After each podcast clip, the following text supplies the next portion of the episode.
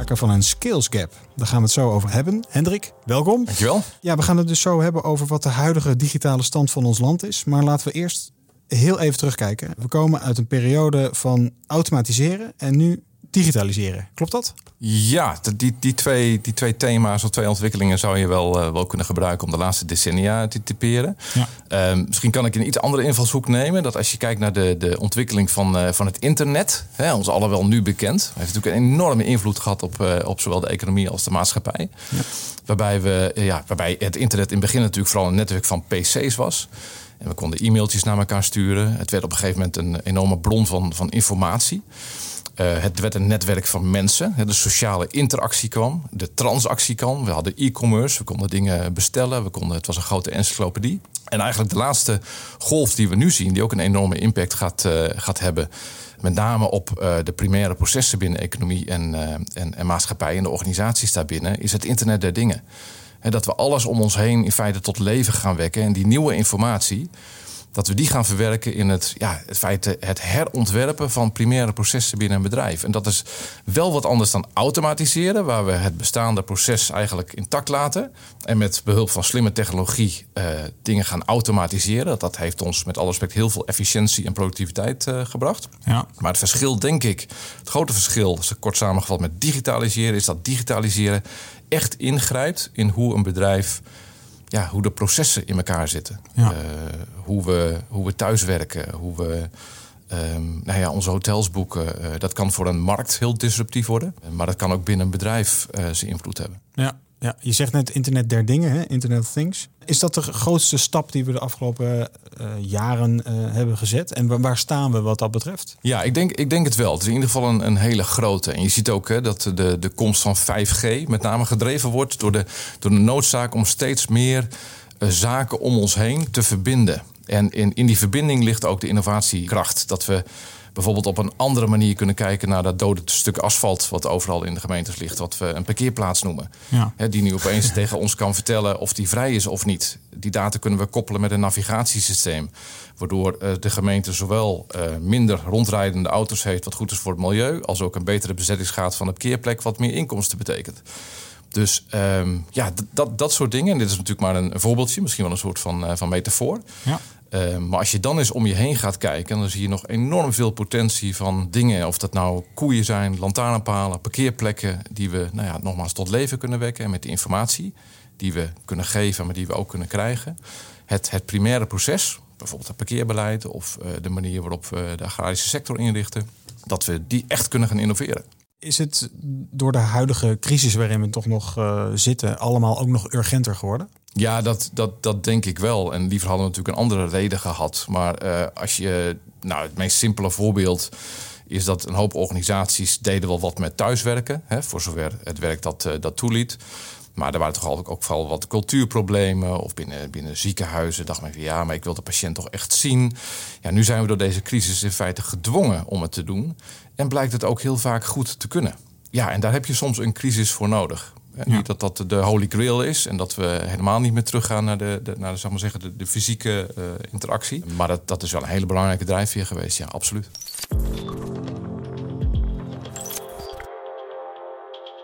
Uit het Cisco trendrapport over het derde kwartaal 2020 blijkt dat nagenoeg de helft van de ondervraagden een volledig beeld zegt te hebben van hoe hun bedrijf er digitaal getransformeerd uitziet. Verder blijkt dat veel werknemers zelfverzekerd zijn over hun eigen kennis van digitale transformatie.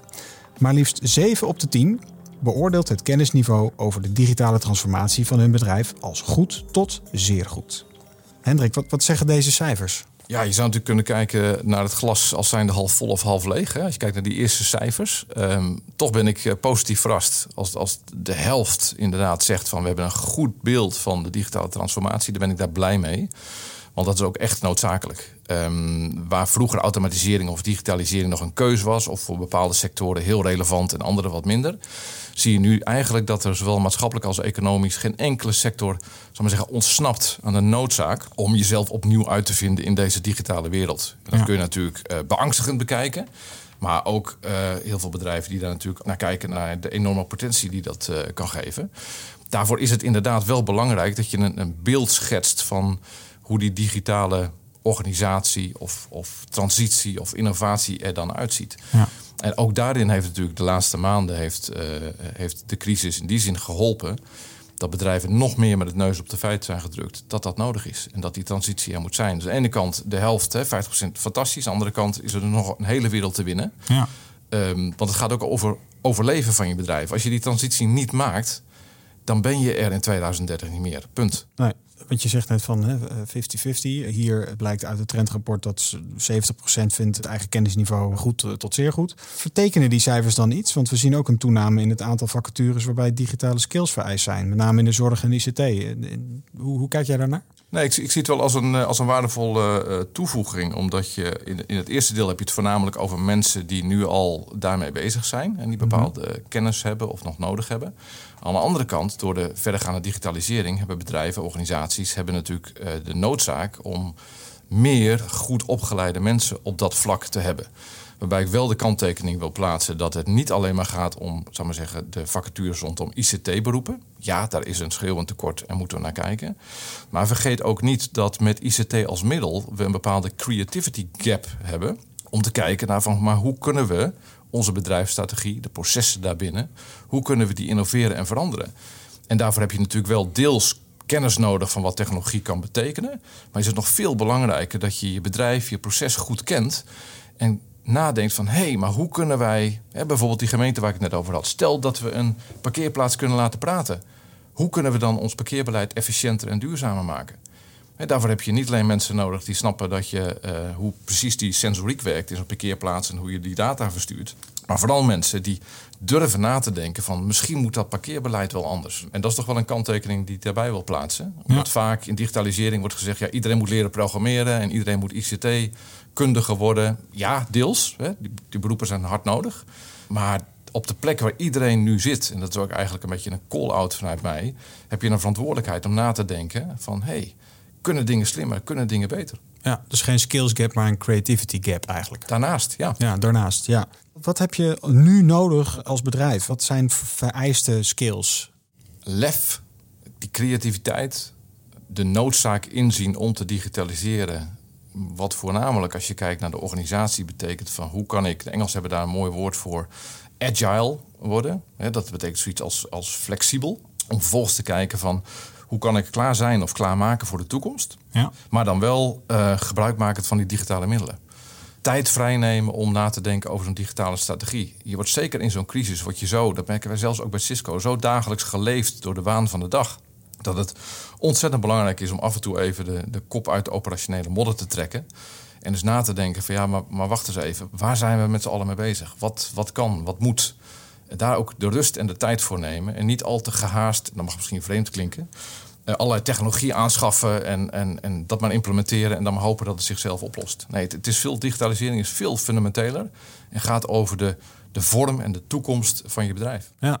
En wat heb je nodig als, als werknemer? Ik hoor, ik hoor je net al zeggen, uh, eigen verantwoordelijkheidsgevoel eigenlijk. Ja, ik, ik vind dat we, dat we als werknemers, um, vanuit de werknemerszijde, verwachten we nog eigenlijk te veel puur van het management of de directie. Nou, de baas doet het wel. Ja, en die zitten daar natuurlijk goed betaald. Uh, en, en, dat moeten ze ook waarmaken met de juiste expertise en ervaring. Hè. Hopelijk zitten ze daar ook terecht. Maar die kennis en ervaring kan niet op tegen de complete kennis en ervaring die in een bedrijf zit. Dus ik zou alle werknemers ook op willen roepen van heb je ideeën of help meedenken. Want die directies die weten het ook niet allemaal. Nee. En daarvoor heb je wel een cultuur nodig die dat toestaat. En dat is natuurlijk weer een verantwoordelijkheid van, van, van directies en leidinggevenden om, ja, noem maar even, crowdsourcing, om de creativiteit uit de mensen te trekken. Want die, die zijn dagelijks bezig met die primaire processen. Jij niet. Jij geeft leiding. Natuurlijk weet je wel een hele hoop over het rijlen en zeilen binnen je bedrijf. Maar gebruik, gebruik die ideeën en creativiteit van die medewerkers. En dat hoeven geen allemaal ICT-deskundigen te zijn. Maar die weten gewoon donders goed waar ze dagelijks mee bezig zijn. En ze weten vaak ook heel goed waar het beter kan. Gebruikmakend van technologie.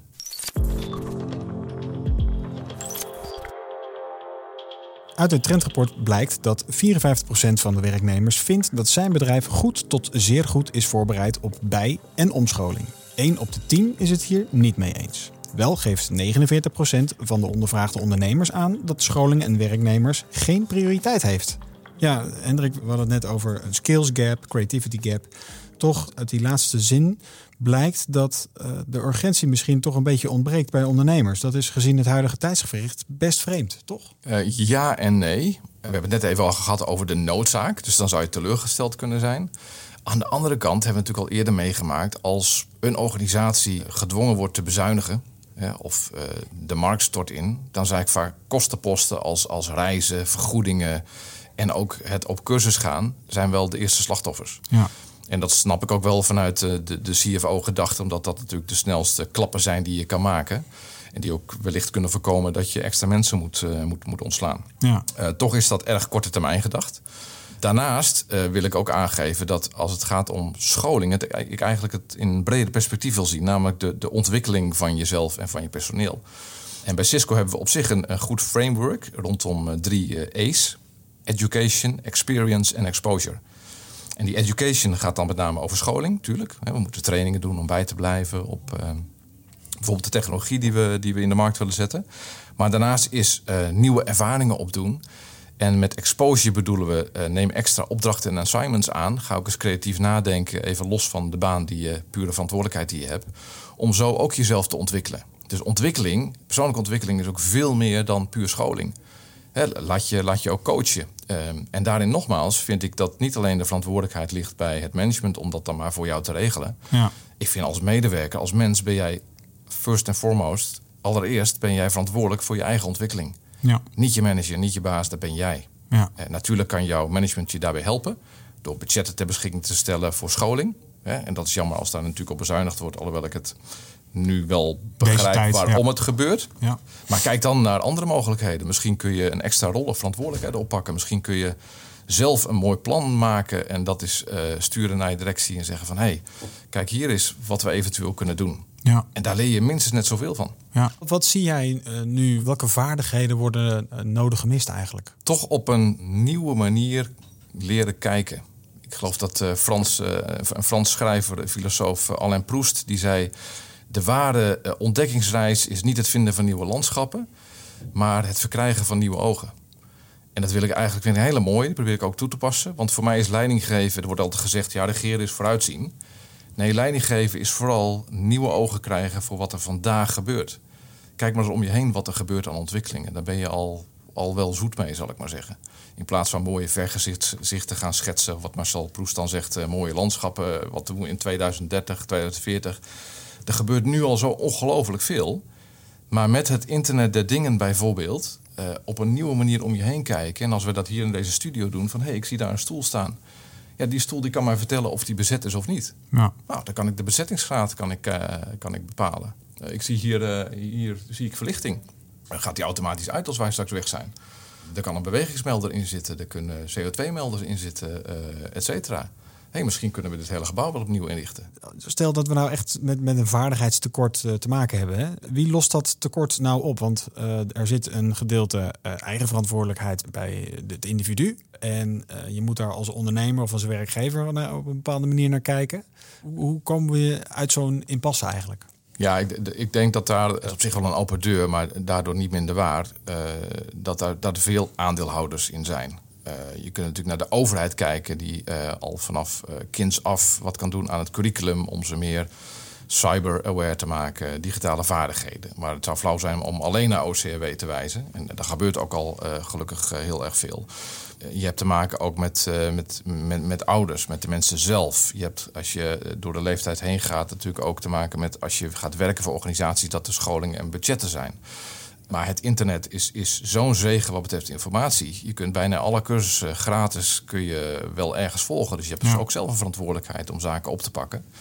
Maar dat niet alleen als middel te zien, want dat zou leuk zijn als je alleen maar kennis hebt, maar die kennis ook daadwerkelijk in te zetten om te gaan innoveren. Ja. uh, ik gebruik altijd wel eens het, het, het, voorbeeld van de tweede wet van Newton.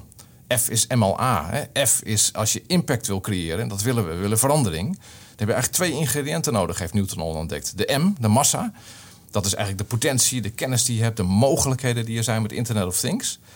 Maar als we dan niet vermenigvuldigen met acceleration, versnelling, ja, dan, dan hè, dat is het mooie van het keersymbool. Als een van beide factoren nul is, dan kan die andere nog zo groot zijn. De impact zal nul zijn. Ja. En met name die, die A in die tweede wet van Newton, de versnelling, dat vind ik een verantwoordelijkheid van iedereen, van elke luisteraar Om eens te kijken naar met welke kennis, met welke inzet, welke ideeën kun jij van betekenis zijn. En dat is nog gaaf om te doen ook. Ja. Mits je dat doet rondom een gebied waar je zelf ook een passie voor hebt. Dit gaat om scholing van de werkende doelgroep. Kennisoverdracht kan ook in de studerende doelgroep ontstaan.